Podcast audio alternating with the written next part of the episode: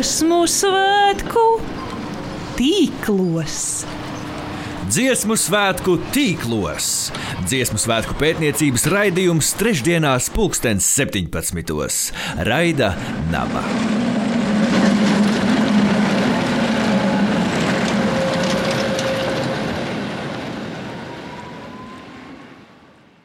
Labdien, Latvijas Rādio 6, zināms arī kā Latvijas Universitātes Rādio Naba. Raidījums dziesmu svētku tīklos. Raidījumu vada Jānis Daugvietis, Latvijas Universitātes Literatūras folkloras mākslas institūta pētnieks, sociologs. Un šodien divi viesi - Mārtiņš Staķis, Rīgas domas priekšsēdētājs. Labdien! Un Edgars Vītols, virsdiriģents, Latvijas Universitātes jauktā kora aura diriģents, mūzikas akadēmijas pedagoģijas katedras vadītājs un pedagoģijas zinātņu doktors. Ir tāda lieta, labdien! Šīs dienas temats Rīga un dziesmu svētki. Ir zināms, labi, ka izņemot vienus vispārējos latviešu dziesmu svētkus 1895. gadā, kas notika Jelgavā, vispārējie notikuši Rīgā. Un īsnībā šķiet, ka arī dziesmu svētku likumā tā ir ierakstīts, ka kopmēģinājumi un koncerti notiek Rīgā meža parka lielajā izstrādē. Tas par dziesmu un deju svētkiem. Un šajā likumā un arī citos ir vairāk vai mazāk skaidri noteikts, kas ir jādara. Rīgas pašvaldībai un arī citām pašvaldībām un valstī. Bet uh, sākšu ar tādiem personīgākiem jautājumiem. Es zinu, Mārtiņ, ka jūs dziedat korī un arī šādā veidā piedalāties dziesmu svētku procesā. Ko jums tas dod gan dziesmu svētki, gan, gan pirmkārt jau dziedāšana korī? nu, es esmu tāds dziesmu svētku bērns, jo man vecāki ir uh, piedalījušies visos dziesmu svētkos un, un um, Nebija vispār variantu, ka es varētu nepiedalīties, bet es ļoti labi no bērnības vienkārši atceros to dziesmu sāku sajūtu. Parasti, ka studentu putekļu orķestris atbrauc uz, uz after party, tā teikt, pie mums uz tuku māju. Tad arī, protams, tas zināmā mērā iesaist arī bērnus visā šajā. Nu, es esmu vienreiz dziesmu sākos piedalījies kā skatītājs un apsolījis sev, ka tā bija pēdējā reize. Tāpēc uh, būt dziesmu sākos un būt dziedātājiem vai dejotājiem, dejotājs es vēl nekad neesmu bijis. Bet nu, manā gadījumā dziedātājiem tā ir pasakaina sajūta. Un uh, es atgriezos kurī pēc kāda pārtraukuma. Un es sapratu, ka es esmu nonācis tādā kā paradīzē, jo apkārt ir 40, 50 ar dzīvi apmierināti, laimīgi, smaidīgi cilvēki. Tas tik ļoti disonēja ar manu ikdienas darbu ka es tajā brīdī sapratu, cik ļoti man pietrūka koris. Kaut kur es esmu uzzinājis tādu faktu, ka jūs esat pat savulaik dibinājis kori, vai tā tiesa? Jā, jā, nu, es nezinu, vai es varu saukt tevi par dibinātāju, bet nu, mēs sanācām kopā. Tas bija sapcīt, pēc tās reizes, kad es biju viena reize tikai kā skatītājs. Vienojāmies, ka mums vajag savu kori, jo tāpēc mēs vienkārši uzmetām uz lapas, ka mēs apmēram 20 dzirdētājus varētu savākt tikai no radiem un draugiem un ka tas ir kritiskā masa, ir pietiekami liela, lai kori dibinātu. Un uh, beigās mēs faktiski tie 41. kas bijām, kas bijām tādi, kas viens otru labi pazīstam, tas bija tās draugu kurs, lai gan es uh, otrais domātu, vai to darīt. Jo tas, ko es teiksim, no savas pieredzes šobrīd redzu, ka nu, teiksim, uz tāda emocionālā pasaule nodibināt kori, tā ir tā vieglākā sadaļa. Tā grūtākā sadaļa sākas pēc tam, un es zinu, ka bieži vien ka pie mums arī nāk uz Rīgas domu un kādi kori arī prasa atbalstu. Nu, tu vari redzēt, jā, ka nu, viņi ir kaut kādi dibināti. Uh, un, un, un tad, tad dibinātājiem ir pēkšņi zudis interese par to. Tad tas kurs nabags ir pamestāts viens pats un teiksim, pazaudēja to, ko būtu ļoti žēl. Uh, Bet nu, arī uzņemties visu laiku atbildību arī par visiem koriem, kas kaut kur dibināt, arī ir neiespējami vienai pašvaldībai. Tā kā to dibināšanu jābūt uzmanīgiem. Ir. Jā, faktiski šis ir tāds centrālais temats. Es domāju, šodien par valsts un arī pašvaldību atbildību pār amatierā, mākslu amatierā kolektīviem, bet tam jau vēlāk viesim atkal klāt. Bet, Edgar, kas ir jūsu dziesmu svētku pieredzē tādi, tāds spilgtākais moments? Vienalga vai kā dziedātājiem vai vērotājiem. Jo jums ir daudz dziesmu svētku bijuši, jau es domāju, diezgan. Jā, tie dziesmu deju svētki man ir pabijuši. Es te paklausījos to, to ievadu stāstu par to dziedāšanu. Man jāsaka, es vispār dziesmu deju svētku procesā iesaistījos kā dejotājs, jo es dejoju skolas kolektīvā, un tad man sanāca, ka skolēnu svētkos es pirmoreiz dejoju, tad nākamajos svētkos es dejoju un dziedāju, un tad jau tālāk dziedāju, un tad no tā jau kādu 2000, pat neatceros jau kuru gadu laikam. Trešā sanāk, ka es visu laiku jau pozicionējos jau kā diriģents, diriģents, diriģents, virsdiriģents, un tā tas arī ir, ir sanācis. Nu, man noteikti spilgtākais tas brīdis bija 2015. gads, kad es biju skolu jaunas dziesmu deju svētku mākslinieckais vadītājs. Un, un tas pirmais brīdis, tas sagatavošanās process, visu kopmēģinājumu pa Latviju izbraukā, tas bija ārkārtīgi skaisti, bet tik un tā, tā, tā cieņpilnā attieksme, kāda ir kāpjot virsdiņa tribīnē, meža parka estrādē, kad man jāuzsāk bija mēģinājums, tas atklāt sakot, ir kaut kas netverams, to, to roku pacelšanu. Pirmoreiz es jutos tā kā students, kas pirmoreiz mani studenti, kas akadēmijā atnāk pie koru, man bija sajūta, jo, jo jūs saprotat, tā, tas ir nu tā, tas viens rokas it kā mājiens un sākas process, un tagad viņš ir jānovad līdz galam. Es, es, es to vienmēr spilgti atcerēšos. Tā bija. Tā, tas laikam ir tāds, kas tiešām vēl joprojām tā stāsta un pilnīgi sirds iestāsta mazliet straujāk. Edgars, es saprotu, ka šogad jūs būsiet pirmo reizi virsdiriģents lielajos dziesmu deju svētkos. Jā, vispār jau svētkos es esmu aicināts pirmo reizi jā, ar, ar, ar vienu vīrkoru dziesmu, kas ir daudz viņu atpazīst kā latviešu tautas dziesmu, lai gan galīgi nekāda sakara ar latviešu tautas dziesmu nav. Apkalma un kumeliņu vīru koriem ir tāda dziesma. Vispār ir komponists Jūras Vaivats un, un, un teksta autors Rudolfs Blaumans ir sanācis. Bet, nu jā, tā, tas būs mans gods pirmo reizi vispārējos svētkos. Vienmēr mūsu sarunās jau ir dažas bijušas sarunas. Šī raidījuma ciklā ir jautājums par vīru koriem un to, to deficītu vīru. Un tāpēc reiz jautāju Mārtiņam, un tas arī būs šis gadījums, kad Mārtiņš klausīs Edgara. Nevis otrādi. Mārtiņā, jūs dziedat jauktajā korī? Jauktajā. Bet es saprotu, vīriem no jauktajiem koriem arī būs jādzied vīru dziesmas, vai kā tur šoreiz sanāk? Nē, man šķiet, ka pat nē, šoreiz nav tā, tādu stādījumu, ka jaukto koru vīru, lai gan, ja jaukto koru vīru, labprāt, mūž, mūžos būs dziesma, vai, piemēram, manu dziesmu, apkal man kumeliņa, kas man jādiriģē, kas galīgi nav sarežģīta, un vispār viņai ir bijusi tieši jaukto koru oranžī, un mēs esam students svētkos viņa izpildījuši, un, un ja jaukto koru vīru būs uz vietas un grāmatiņās, kurās ir šī dziesma, ja izdzirdēs un sapratīs, ka var atšķirt un dziedāt līdzi, es jau būšu ļoti gandarīts. Mārtiņ, jūs esat darbojies ļoti dažādās jomās, noteikti joprojām darbojaties, sākot ar zemesardzi, ar draugu, droši vien vai draugiem. Nevalstiskais sektors, tā tad arī uzņēmējdarbība, protams. Un, vai Kā jūs redzat, kādas ir tās lielākās atšķirības šajos dažādajos sektoros, pirmajā, otrajā, trešajā nosacīt, arī domājot par mākslas, kultūras pašdarbnieku kolektīviem? Man liekas, ka brīvprātība un brīvprātīgais darbs ir vajadzīgs un atbalstāms gan jebkurā no tām. Un, un, un, Zemesēta varbūt ir nedaudz cits žanrs, jo tev, tur tomēr ir līgums, un tur arī faktiski arī saņem atlīdzību par to, ka tu ej uz mācībām. Tad, protams, kuros, un, un arī man pieredze, kas bija draudzē, tāda nav. Bet nu, tas, ko es vienmēr esmu teicis, ka Dievam ir ļoti grūti cilvēku vadīt, ja viņš sēž mājās uz dīvāna un tikai dzer aliņu. Ja tu gribi ejot uz kori vai, vai, vai, vai kādu citu, vai deju kolektīvu, vai kaut kur, tu nekad nezini, vai tu nesatiksi varbūt savu nākamo priekšnieci, vai nākamo biznesa partneri, vai, iespējams nākamo dzīves mīlestību. Un uh, parasti tie cilvēki, kas iesaistās dažādās pašdarbībās, vai nevalstiskā sektorā, vai kaut kur, jebkurā, viņi vienmēr ir lielāki ieguvēji nekā tie, kas to nedara.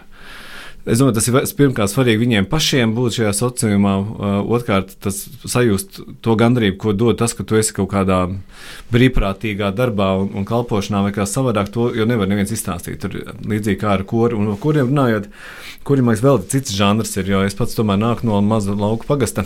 Piemēram, kurim bija milzīga arī sociāla funkcija. Tur bija arī tajā laikā, kad es dziedāju, bija sievietes, kurām iespējams tā bija vienīgā nu, diena, kad viņas appucējās. Un, uh, Tur bija viens kungs, kurš bija, nu, tas bija vienīgais, kurš man liekas, bijis, bijis, bijis vai nebija ieslodzījumā. Viņam tas bija vienīgais veids, arī ne vienīgais, bet labākais veids, kā atgriezties sabiedrībā, būs ar savējiem.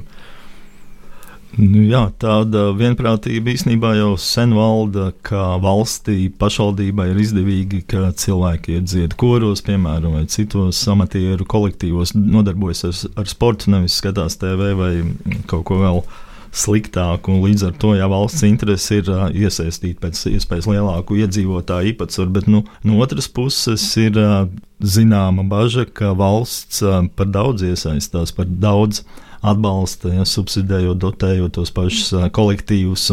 Līdz ar to mēs it kā nedaudz atrožojam tādu padomu cilvēku pasīvo kura vietā valsts nolgo kurdiriģentu, piemēram, maksā par, par mēģināšanu kultūras namā, piemēram, un cilvēks nu, pats neko īsti neiegulda. Vai tāda problēma jūs abi esat novērojuši? Nu, man šis ir kaut kas jauns. Es vēl nekad neesmu tā, tā dzirdējis. Parasti tieši otrādi esmu dzirdējis vairāk kritikas par to, ka netiek pietiekami atbalstīts un ka vajadzētu vairāk atbalstīt. Uh, bet uh, es uh, varbūt tā uz to lietu skatīties dažādi. Ja? Varbūt vienā novadā vai pašvaldībā uz to skatās, kā no labi, ka cilvēki grib sanākt kopā un padziedāt. Pašvaldības uzdevums to būtu atbalstīt, bet ir novada, kas uz to skatās arī vienkārši, nu, ka tas ir, ja tu, ja tu neieguldi naudu tajā, tu pēc tam iespējams ieguldīsi to naudu citur, kā piemēram, nezinu, varbūt ar sociālo palīdzību. Arī. Nu, tas ir, tu nevajag skatīties tikai kā izmaksu, tā, manuprāt, ir investīcija, cilvēkā investīcija viņa tajā, kā viņš jūtās, eh, viņa labsajūtā, viņa spējā, nezinu, tik galā ar savu dzīvi un tā tālāk. Tā es nezinu, vai mums vajadzētu kādreiz šos budžetus apvienot, nezinu, eh, un droši vien nevajadzētu, nezinu, sociālo un kultūras budžetu, bet viņi, tur ir kopsakarības noteikti.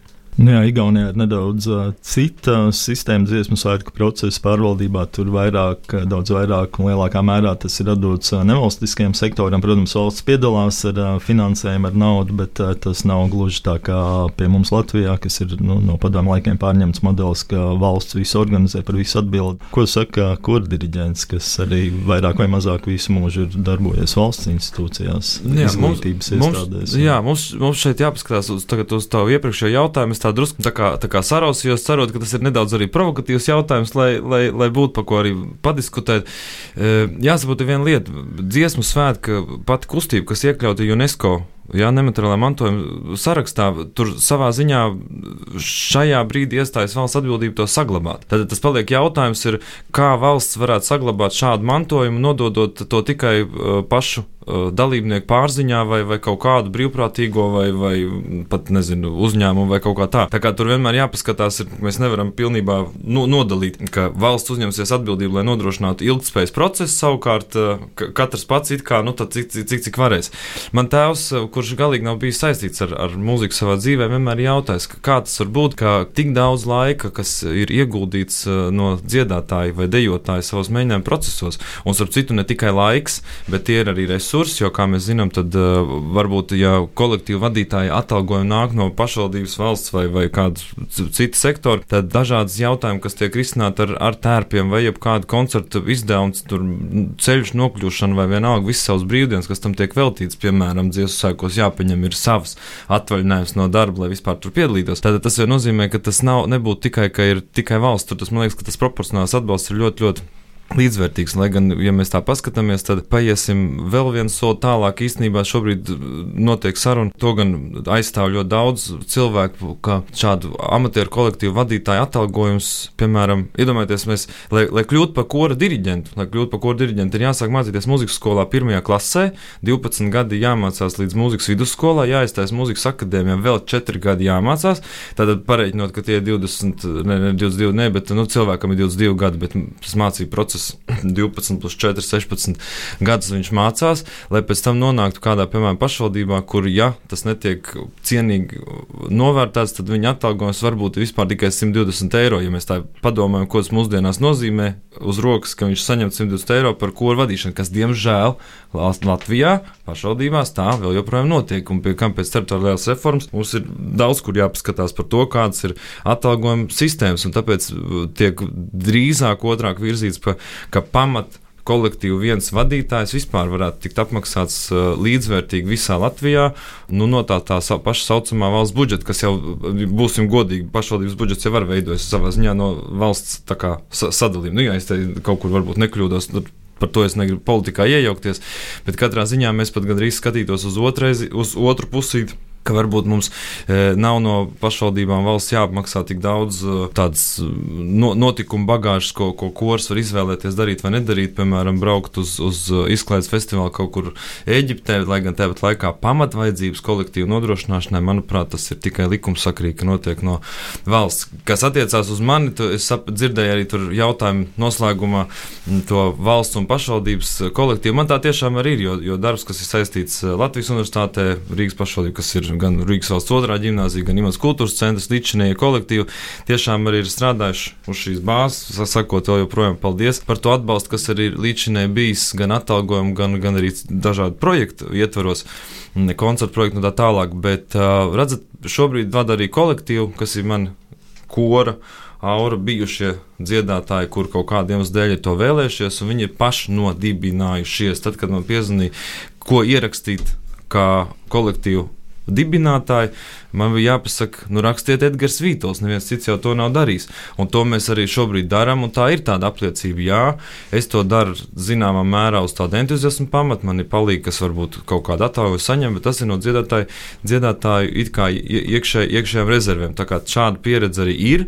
Nu, un es nevaru teikt, ka viņi ir ļoti labi, jo tas nozīmē, ka dziedātājs apmaksā mēģinājumu telpu īri, dziedātājs apmaksā uh, jau kolektīvu vadītāju atalgojumu, un mums vajadzēja rūpēties arī par saviem tērpiem, kas nu, nebūtu nav kā pakalpojums ļoti lēts šobrīd, un nemaz nerunājot par to, ka viņam pašam jānodrošina nokļūšana, atkļūšana un, un, un vēl kaut kāda ēšana, pusdienošana, un vēl pie, būsim godīgi, e, lai dziedātu kori, jāparūpējas, ka ir kāds, kas pieskatījā brīdī piemēram, bērns ja mājās vai vispār pieskata kaut kāds, tas nozīmē, ka viņš labi, ja vecāks tā ir brīnišķīga lieta, bet viņš vēl samaksā par augli vai vēl kaut ko un sanāk, ka viņš šis viens kolektīva dalībnieks ieguldījums mēneša laikā ir krietni ievērojams par to, ko nu, var atļauties faktiski tikai turīgi. Un tad man būtu ļoti liela bažas, pats pēdējais teikums šo noslēdzot, ja mēs noņemsim finansiālās atbalsta, respektīvi opcijas no valsts vai pašvaldības, mēs nonāksim pie pavisam citas kategorijas, ka korī vai deju kolektīvai, nu, putekļi orķestrī bišķi savādāk, vai folkloras kopā vai amatieru teātrī varēs piedalīties tikai tie, kur to var atļauties. Un tad vai tas nebūs kaut kāds ļoti elitārs notikums, pasākums, kā augstākās klases uzstāšanās, piemēram, dziesmu sēkos, kas, manuprāt, vairs nebūtu līdz galam, man šķiet, pareizi. Nu, īsnībā jau joprojām vienmēr tā ir bijis, ka tie nabadzīgākie iedzīvotāji vienalga nepiedalās kuru kustībā un tautdeju ansambļos, jo nu, ir, ir kaut kāda ir, ir statistika rāda, ka Jā, un, un tas savukārt labi. ir mazliet dīvaini atkal liekas, jo Tur piedalās nosacīti uh, labklājīgi cilvēki no lab labām ģimenēm, un valsts vēl viņiem maksā. Tas arī mazliet, mazliet šķiet jocīgi. Jā, nē, tu tur skaidros. Es piedošu, še, šeit ir viens ļoti interesants pētījums. Redz, labi, labi, ka tāda mums arī diskusija te, te drusku aizstāvot. Es izstāšu, kāpēc. Tāpēc, ka tad, kad es vadu studiju kursu mūzikas akadēmijā, kas ir izglītība, ilgspējīga attīstība un vidas aizsardzība, tad uh, pamatbāze, ko mēs sākam, vienmēr ir to, ka uh, tā saucamā piramīda, kamēr cilvēkam nav nodrošināts pamatvaidzības. Un mēs, protams, nevaram aicināt cilvēku savā brīvajā laikā ārpus darba laika piedalīties kādā no kolektīviem, ja viņam ir akūti nepieciešams domāt par savu eksistenciālo vajadzību. Mājoklis, siltums, ēst, apģērbs. Līdz ko tas tiek nodrošināts, tāpēc tas vienmēr tā būs. Nu, mēs nu, tur tad tas ir skaidrs. Tieši tāpat, ja mēs runājam par vidas aizsardzības jautājumiem, cilvēki nepiedalīsies vidas aizsardzības uh, dažādās akcijās, ja, viņ, ja viņam nav nodrošināts pamatvaidzības, pati bāze, ja viņam nav ko ēst. Viņš par plasmas mežā droši vien nedomās. Jā, tā ir. To droši vien sauc arī par ekonomisko determinismu, bet domājot par valsts atbildību par dziesmu svētkiem, kas ir ierakstīts likumos un tiek reproducēts arī tikpat labi par pašvaldības atbildību. Mārtiņā, kāda pašvaldībai, nu, tā ļoti praktiski skatoties, ir interese investēt nu, tomēr salīdzinoši lielu naudu amatieru mākslas uh, uzturēšanā, pabalstā. Kāda ir interese? Es neesmu drošs, ka uz šo jautājumu vajadzētu skatīties tik praktiski, lai gan, ja vajag, mēs arī varam tā to paskatīties. Jo man liekas, ka mums kā nācija vispār ir mazliet problēmas par kaut ko tā visiem kopā vienoties. Bet, ja man liekas, mēs esam par kaut ko vienojušies, ir, šī dziesmu un deju uh, kustība ir kaut kas tāds, ko mēs gribam, ko mēs uh, finansējam.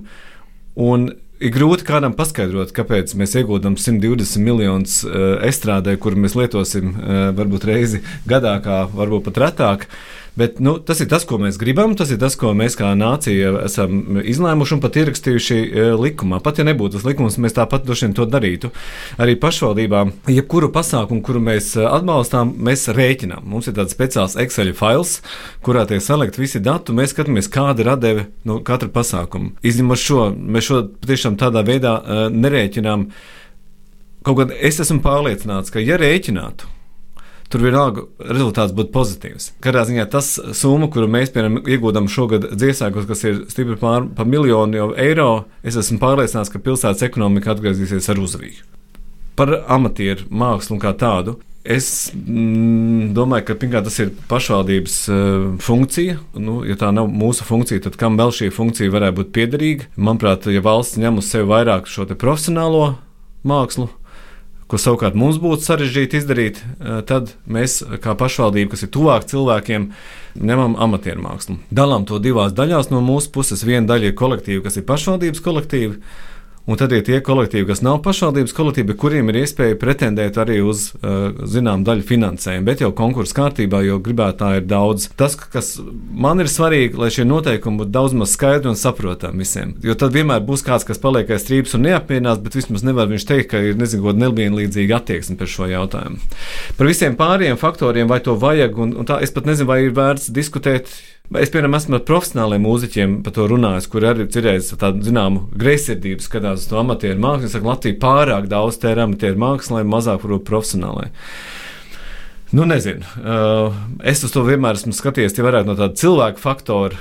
Varbūt tāpēc, ka esmu pats tiešām vienmēr bijis šajās kustībās iekšā. Man liekas, ka jebkurā vietā, kur kaut kāda cilvēka brīvprātīgi gatavi nākt kopā un kaut ko darīt, uh, Tas ir kaut kas tāds, ko vienkārši valsts vai pašvaldības institūcija ir, ir jāatbalsta. Nu, tā ir vienkārši pārliecība šo.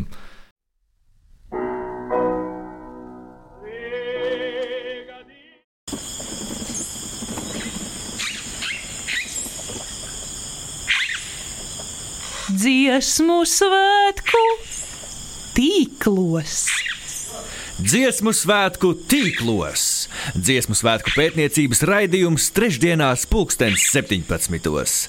Raida Naba.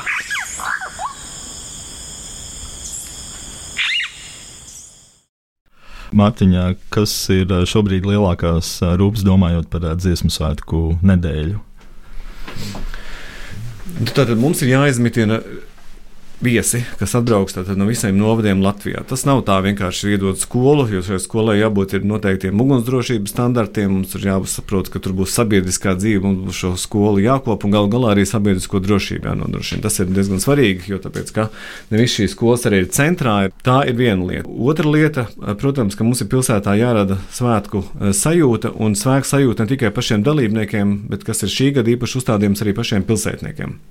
Mēs zinām, cik grūti būs tikt uz estrādi daudziem Latvijas iedzīvotājiem, bet uh, dziesmu sēkus mēs gribam, lai nevis katrs skatās mājās pie televizora, bet tomēr ir šī kopā būšanas efekts, un tāpēc mēs apkaimēs rīkosim šos te, šādus te lielos ekrānus, kurā varēs nākt un kopā šo dziesmu sēku sajūtu piedzīvot. Skaidrs, ka lielākais izaicinājums būs transports un loģistika, jo tāpēc, ka mēs negribam apstādināt remontus pilsētā, mēs negribam tos pārlikt uz citu laiku, jo vienkārši pilsētas infrastruktūrai to vajag šodien un tagad. Mēs drīzāk mēģināsim to visu salikt kopā. Skaidrs, ka būs jāplāno ilgāks ceļš uz uh, pasākumu vietām, bet darām visu, lai vispār neviens nebrauktu ar autobusu, bet izmantot vairāk sabiedrisko transportu. Tāpēc arī valsts ir apmaksājusi visiem šīs desmit dienas bezmaksas braukšanu, lai tiešām uh, vairāk izmantot, nezinu, tramvaju, jo nav ātrāk veidi, nezinu, kā no Imants nonākt līdz, līdz Rīgas centram vai līdz Daugavas sportamam vai pat arī meža parkam, kā piemēram braukt kaut kur ar kaut kādu sliežu transportu veidu. Nu, visi šie jautājumi ir, ir, ir, ir, ir svarīgi, un tieši tāpēc mēs arī nu, domājot par to, savulaik arī vienojāmies, ka mūsu komandā būs arī pieredzējuši kādi, kas to jau vienreiz ir darījuši. Un, jāsaka, Evs Jukņēvičs, kas ir organizējis vienu dziesmu svētku, nu, tiksim, pieredze šajā ir neatsverama. Viņi mums viņi uzreiz saprot, kā tas viss strādā. Mēs vienkārši ne, nezaudējam laiku, neeksperimentējam lietām, ko nevajadzētu eksperimentēt. Edgars, kā pedagogam, es jautāju, vai jums ir kāds viens uh, svarīgākais mērķis izglītojot amatierus, tieši amatierus, jā, mūzikā, vai strādājot ar viņiem? Es laikam nodalīšu, jo, jo ja mēs runājam par taisnību, kā mūzikas skolotājs, jo tā, tā ir taisnība, ka es esmu pabeidzis arī mūzikas pedagogs un ar, ar līdz ar to arī diriģents. Skolu mūzikas skolotāja misija mūzikas skolotāja skolā, kā skolas, ko diriģenta misija īstenībā mana, un es to arī daudz viet stāstu un, un mēģinu ietekmēt arī nākamos studentus, ir palīdzēt apgūt katram bērnam, jaunietim dziedāt prasmi, kas ir nu, mūzikas pedagogs, respektīvi dziedāt, dziedāt korī vai dziedāt individuāli vai solo. Līdz ar to es vienkārši ļoti aicinu visās skolās, visas mūzikas skolotājus un arī saprast arī daudz vecāks, ka vajag vienkārši pieteikties korī un to sākt apgūt neatkarīgi no tā, varbūt kāds ir tas. Protams, jo agrāk sāk, jo labāk. Kas attiec tālāk jau uz pieaugušiem skol, jau, jau cilvēkiem, ja, tur, tur vairs jau tas mūzikas skolotāji, tās idejas mazliet jau, jau drusku distancējas un vairāk tās ir kurģenti, varbūt kaut kāds tāds nianses, tādēļ, ka jau tad var jau pieaugušiem, pilngadīgiem arī cilvēkiem, kas to saprot, nu tur zināmā mērā jau ir kaut kāda atlases principa, un tāpēc es domāju, ka ļoti labi, ka ir ļoti daudzveidīgas kvalitātes, dažādas kvalitātes līmeņi kolektīvi, kur var pieteikties katrs pēc savām prasmēm, iespējām, tad jau tas ir mazliet savādāk, bet ja kā mūzikas skolotājiem, tad līdz 12. klasē laipni aicināt visi piedalīties, īpaši tagad nākamie svētki, kas paredzēti skolu jaunas dziesmu deju svētki 25. gadā. Viņi ir ar koncepciju, nu pat lai, lai nesajauc vārdus, vārdus vietā, lai man Reins Uhānos piedod par ko, ja es sajaukšu, bet daru radot un radu darot. Nu, it kā tātad šis radīšanas process, jo tā ir māksla un darīšanas. Un, da, un tā darīšana ir, ir būtiskākais, ir piedalīties. Un es domāju, ka šī būtu tā jauniešu sociālā funkcija. Viņiem nebūtu tur jārisina savas attiecības, ja viņi koru kolektīvā iemācītos uh, savstarpējo toleranci, empātiju, sadarbības prasmes. Es domāju, tas, tas ir tas lielais iegūms, ne tikai tā dziedāšana. Tas bija jūsu promocijas darba temats. Apmēram jūs salīdzinājāt kordziedātājus skolā ar, ar vienkāršiem skolēniem. Ja? Ja es nemaldos. Jā, uzreiz, uzreiz tad, tad drusku, drusku noprecizējot, tā tad nevis kurdzerēs un vienkāršos, jā, bet tādus, kas nedzied kori, jo viņiem ir atkal savs, tur bija drusku cits atruns, jo, jo ir tādi, kas ir arī sportisti vai, vai deju un tā tālāk. Tad šeit bija stāsts divo, man disertācija aizgāja tad divos flangos. Viens no tiem bija saistīts ar to, kā koru kultūru bagātināt un kā viņu uztaisīt krāsaināku. Tur garāks stāsts, kāpēc tas tā veidojās tieši no 2013. gada. Un otrs bija šis fokus, bija tas, ko mēs saucam par cilvēku cilvēka emocionālo inteligenci, kuru tā skaitā apakšā ir ļoti daudz apakšfaktoru. Viņi ir 15, visus tagad nenosaukšu, bet, bet viena no tiem bija, ko es jau arī teicu, impulsivitātes kontrole. Ja, kurā brīdī mēs reaģējam, empātija, citu cilvēku ja, izpratne, ja, emo, emocionālā, eh, kā jūtas otrs, vai es to māku atpazīt. Trešais, piemēram, ir sadarbības prasmes, jeb kādā veidā pacietība kaut vai kā, kā viena no tām, kamēr arī cits kaut ko iegūst. Tādas, es domāju, ka ļoti daudz, un nu, tādas tolerances, es domāju, ka, ka tas bija tas, kas no disertācijas man, man uh, ir. Jā. Bet, ja drīkst papildināt, domāju, mums jāapskatās arī uz, uz nākotnes izaicinājumiem, kas patiesībā jau ir šodienas izaicinājumi. Rīgā miljoniem, un es nepārspīlēju šo vārdu, ir piegādes, tiek veikts mājās ēdienu piegādes ar Voltu un Boltu. Prognoze ir, ka nākotnē apmēram 40% to cilvēku, kas strādā darbā datoru, nestrādās vairs oficiālā, bet strādās no mājām. Tas jau šodien notiek. Mēs to redzam uz ielām, mēs to redzam sabiedriskā transporta ielas ir tukšākas. Tad cilvēki ar vien vairāk sēž mājās. Viņiem vairs nevajag iet uz kafejnīcu vai restorānu, ja pasūtīt ēdienu mājās. Viņiem vajag pat uz darbu, nevajag braukt, viņi var darīt darbu no mājām. Nu, tad, ko mēs kā valsts vīri domājam šajā jautājumā? Vai mēs eh, sakām, ka tas ir ok un tas ir pareizi un labi? Un, manuprāt, tas pašdarbības eh, elements ir vajadzīgs arī priekš tā, lai cilvēkiem ir nākotnē vēl vairāk motivācijas iziet ārā no mājas, būt kopā vienkārši ar citiem cilvēkiem, iemācīties arī trenēt šīs attiecības ar citiem cilvēkiem. Tas nemaz vien, nevienmēr ir droši. Un vienkārši nebūt kopā ar 40 un būt apmēram vienam mērķim. Uh, Šis ir vēl viens pluss tam, ka, manuprāt, valstī vajadzēs vēl vairāk īstenībā domāt, kā ieguldīt naudu tur, lai tiešām cilvēki būtu vairāk uh, kopā un nesēdētu katrs savā stūrī. Tā ir. Es personīgi šķiet, nu, pēdējos uh, desmit gadus no mājām strādāju. Nu, principā, nu, šeit ir kāda sapulces institūtā vai, vai, vai kādi publiski pasākumi, bet jā, es strādāju vienatnē ar datoru mājās sēžot. Edgars, runājot par to varbūt otru promocijas darba tematu, es sapratu sapratu, ka jūs piedāvājat kādas inovācijas, kora, kora dziedāšanā. Tātad vairāk ne tikai dziedāt, ko koristiem būtu labi, bet arī kustēties, es nezinu, rokas kustināt vai, vai pietupties. Droši vien tas ir pozitīvs efekts, bet vai jūs esat gatavi vai piedāvājat arī lielajam dziesmu svētku procesam tādas inovācijas, un varbūt tas jau notiek? Mm. Pildot laikam drusku tāda, tādam ievadam, vispār šī disertācijas tēma veidojās tajā brīdī, kad Latvijā bija ļoti pazīstami, populāri tāds TV šovs kā koru kari. Un, un iedomājieties, ko nozīmē televīzija ar saviem līdzekļiem, kad tur ir gaismas, tur ir tērpi un kāds notiek populāriem solistiem ar grupu.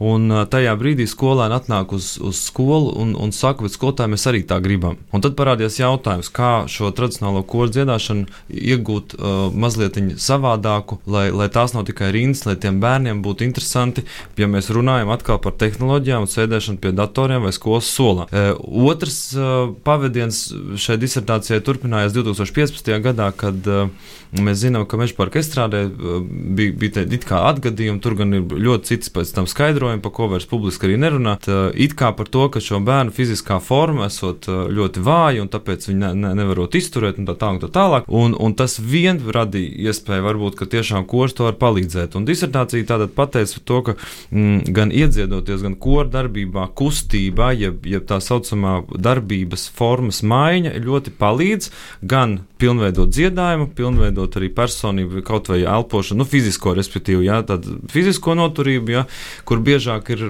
labāka kustība nekā tikai mieras tajā stāvēt.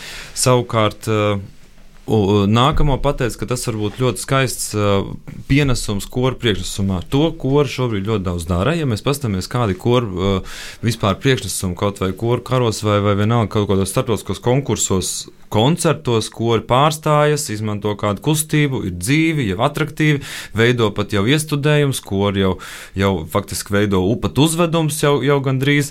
Ja mēs runājam par meža parku estrā, tas uh, te, te gan man būtu daudz, daudz nopietnāks, detalizētāk jāpadomā. Meža parka estrādē ir savi un dziesmu sākiem pašiem kā tādiem, tomēr ir savu, savu ne, nu, Man negribas viņus nosaukt par ierobežojumiem, bet saprotat arī no drošības līmeņa. Ja mēs estrādē visi mēģināsim kaut vai apgriezties ap savu asi šajā lielā tūkstošu barā uz tām trepēm, tam, ir, tam tomēr ir zinām ierobežojumi. Tas, ka, piemēram, ja paskatītos skolu jaunas dziesmu deju svētkus, ko tik mēs tur neesam darījuši ar rokām, kājām, sēdējuši, cēlušies, rokas pa gaisu, kājas pa gaisu, es domāju, ka jums noteikti ar, ar puikas visu kaut ko, ko tikai nedara ar, ar korī. Ja? Es domāju, ka, ka nu, nu, tā ir tāda jaunieša vairāk. Ja, ja mēs mēģināsim varbūt. Uh, izkustināt pašā meža parka estrādē. Es nezinu, vai tas ir tas mērķis. Galvenais, lai tas ir interesanti, aizraujoši, radoši un jēgpilni visiem savos mēģinājumu procesos. Iesaku arī to darīt dziedātājiem jau, nu, nu piedodiet, arī gados, ja tas ir arī 75 plus, nekāda vaina. Nu, visi jau mēs esam bijušie jaunieši. Galu galā. Mārtiņa Es tagad neteikšu, ka tā ir vienīgā komiteja Rīgas domē, kur jūs strādājat, kultūras komiteja, bet jūs tur esat noteikti.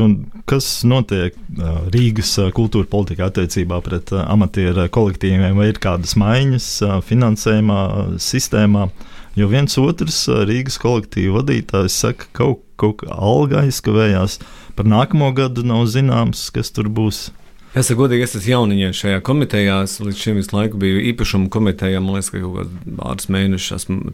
Es nemācīšu visas komitejas vārdā atbildēt, bet tas, kas mainījās vienā uh, brīdī, bija tas, ka bija tādi kolektīvi, kuri bija tā kā, uh, kuriem viss bija garantēti.